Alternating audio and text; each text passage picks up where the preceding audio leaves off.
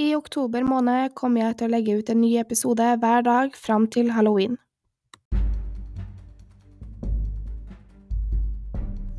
Dette er en podkast om ekte drap og kriminalsaker. Jeg går inn i mørket og tar deg med på forferdelige drap og inn i morderens mørkeste grusomheter. Jeg deler alle detaljer, så om du er sensitiv, bør du kanskje ikke høre på dette. Håper du grøsser like mye som meg når du hører historiene. Shannon Louise Matthews ble født 9. september 1998 i Dewsbury, West Yorkshire i England. Moren hennes, Karen, ble gravid for første gang som 17-åring. Noen måneder etter at hun fikk sin første, møtte hun faren til Shannon, og hun ble gravid kort tid etterpå. Og noen år senere kom Shannon til verden. De første månedene av Shannon sitt liv bodde de hos besteforeldrene hennes. De tok seg godt av henne, og hun fikk mye kjærlighet. Etter noen måneder flyttet moren inn til faren igjen.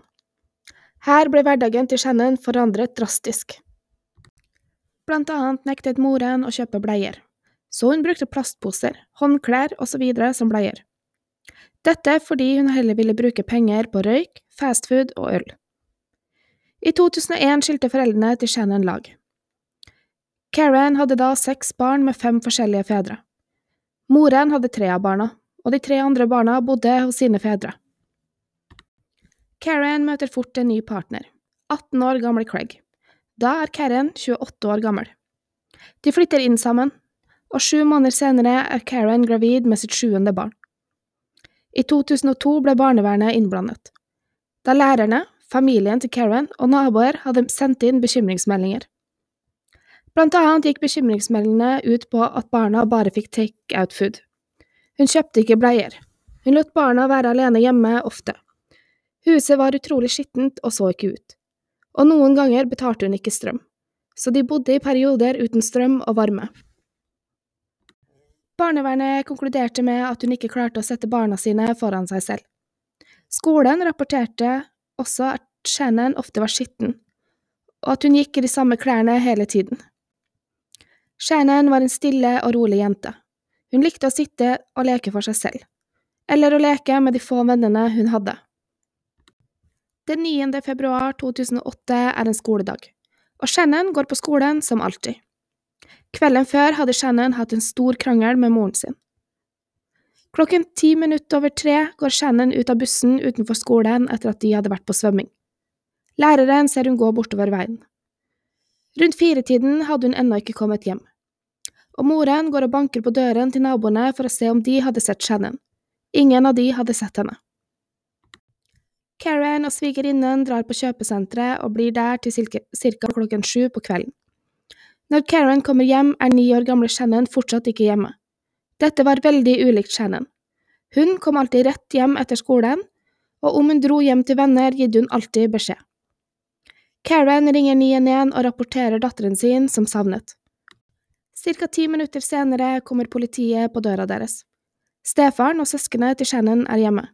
Moren var ute og lette etter henne. Familie og venner brukte store deler av natten å lete etter niåringen. Det samme gjør politiet. Politiet leter også i huset deres. På veggen på soverommet til Shannon sto det blant annet Jeg vil bo hos pappa. De spurte også Karen hvor mange barn hun har, og hun svarer da seks barn.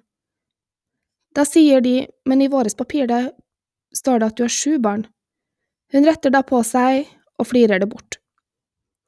Dagen etter holder politiet en pressekonferanse. Politiet ber Karen om å ikke snakke med media, men hun holder også en pressekonferanse, der hun kaller Shannon prinsessen sin, og hun holder på en bamse som skal være Shannons.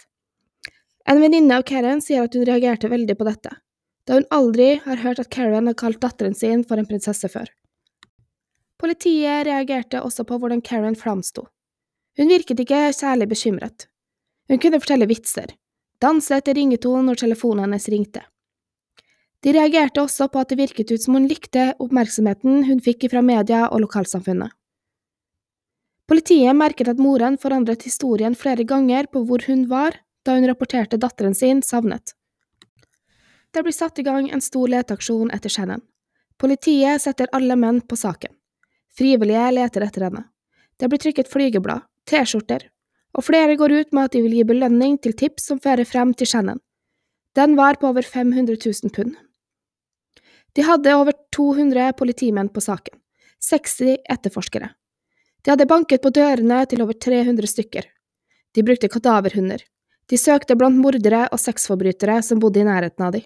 De dykket i vannene etter Shannon. Det var kaldt ute nå, minusgrader. De alle fryktet at det verste hadde skjedd med Shannon. To uker etter at hun forsvant, holder de en ny pressekonferanse. Der sier moren at hun er sikker på at Shannon er kidnappet, og at hun fortsatt er i live. Hun tror at det er noen som de kjenner godt, og hun sier at hun kan ikke stole på noen rundt seg. Dette sjokkerte politiet. De hadde aldri hørt at Karen noen gang hadde tenkt at Shannon hadde blitt kidnappet av noen som de kjente godt. Familien fikk mye hjelp i ukene Shannon var forsvunnet. Folk sendte de penger og gaver. Det lokale supermarkedet lot de komme og handle gratis.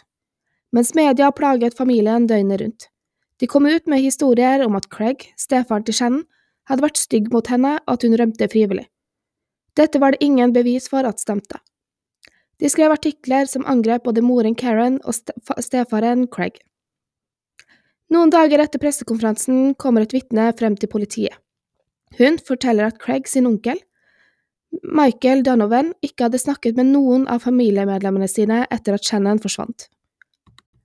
Moren og stefaren måtte også lage en liste over familiemedlemmer, så de får oversikt over alle som er i deres familie. Det var over 300 personer på denne listen. Men de glemte å føre på én mann her. Craig sin onkel som bodde noen kilometer unna de. 39 år gamle Michael Donovan. Michael var en ensom ulv. Han jobbet ikke på grunn av en hodeskade etter en bilulykke. Han hadde ikke deltatt i søket etter Shannon på noen som helst måte. Han hadde også året før prøvd å kidnappe sin egen datter, som hadde blitt plassert i fosterhjem. Han dro til skolen til datteren sin og prøvde å ta henne. Dette gjorde at politiet ville sjekke nærmere på han. To politimenn drar hjem til han og banker på, men det er ingen som svarer. Han bodde i en bygning på to etasjer. Det var fire leiligheter i begge etasjene. De to politimennene går og banker på hos naboen og spør det litt ut. Den ene naboen sier at han må være hjemme, fordi bilen hans står der, og han drar aldri noen sted uten bilen sin. Naboen som bor under han, sier at hun hadde hørt han denne morgenen. Hun sier at hun også hadde hørt barneskritt oppe fra leiligheten i flere uker nå, sist i dag. Hun sier videre at Michael hadde fått seg en ny kjæreste, og hun tenker at kanskje den nye kjæresten har barn, og at det er de hun har hørt. Etter de opplysningene de hadde nå fått, bestemmer de seg for å bryte inn i leiligheten hans for å sjekke. De ringer etter forsterkninger. Når de kommer inn i leiligheten til Michael, er det helt stille. Det virker ikke ut som det er noen der. De går videre innover i leiligheten og kommer til en låst dør. De bestemmer seg for å sparke ned døren. Dette var soverommet. De hører så en svak barnestemme som hikster litt og sier stopp, du skremmer meg. De ser at under sengen er det hjemmebygde skuffer. Over kanten av sengen, og fra den ene skuffen, stikker hodet til Shannon ut. De drar ut skuffen og finner Shannon. Hun var for svak til å gå. Så den ene politimannen løfter henne i armene sine og bærer henne ut. De var alle sjokkerte over å finne henne i live etter tre uker. Da statistisk sett etter 24 timer med leting forsvinner sjansen til å finne noen i live. De spør henne hvor Michael er, og hun sier at han også er under sengen i en skuff. De drar ut skuffene og ser at han ligger i fosterstilling i hjørnet, han nekter å komme ut. De må dra han med seg. Han skriker og sparker etter dem mens de drar han med seg til politibilen. Han blir arrestert for kidnapping på Shannon. Når nyheten kom ut om at Shannon var funnet i live og i godt behold, voktet hele lokalsamfunnet opp. De festet og drakk i gatene, de sang og danset.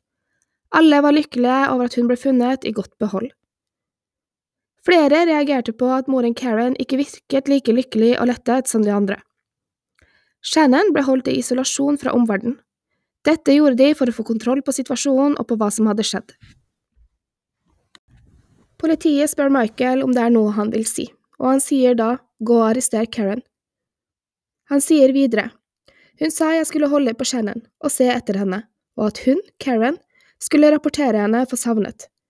Jeg sa jeg ikke ville det, men da begynte hun å true meg med at hvis jeg ikke gjorde det, kom tre menn etter meg. Jeg var redd. Hvis jeg ikke gjorde det, kom de etter meg. Jeg sa ok, jeg gjør det. Da sa hun at jeg ville få penger for det. Karen blir tatt inn til avhør, der de forteller henne hva Michael hadde sagt at hun hadde gjort. Hun nekter for dette. De undersøker hjemmet til Michael. De ser at i en luftluke så har han festet et tau. Dette tauet brukte han å sette fast Shannon i når han var ute. Hun nådde akkurat til toalettet med dette tauet. De finner en lapp med regler som tydelig var laget for Shannon. Her sto det blant annet Du må ikke lage bråk eller trampe med beina. Du må ikke gå nærme vinduene. Du må ikke gå eller gjøre noe når jeg ikke er her. TV-en skal være på lavt volum, åtte eller lavere. Du kan spille Super Mario, se på DVD og høre på CD-plater. På den nederste delen av arket sto det Jeg lover deg, som det så ut til å ha blitt skrevet av Shannon. De finner også store mengder penger og reisesyketabletter. De finner også to poser med klær i gangen, så det så ut som om han hadde pakket og at han skulle flykte med Shannon. En uke etter at Shannon ble funnet, skal moren få komme og identifisere henne. Shannon sitter da i et rom med et speil. Bak speilet sto moren og så på henne for første gang på fire uker. Men Kyran visste ingen følelser. Ingen gråt, ingen glede, ingen følelser. Noen dager senere får de møtes for første gang siden hun forsvant. Shannon springer mot moren sin og hiver seg mot henne. Men Karen virker nesten som om hun vil skubbe henne fra seg. De som observerte møtet, måtte be Karen leke og prate med datteren sin. Karen så alltid på klokken sin og tok på seg jakken, klar for å gå. Hun var kald og viste ingen interesse for datteren sin. Når Shannon ble borte, tok de alt av telefoner, data og harddisker for å undersøke dette. På stefaren sin harddisk fant de barnepornografi. Dette ble han arrestert for.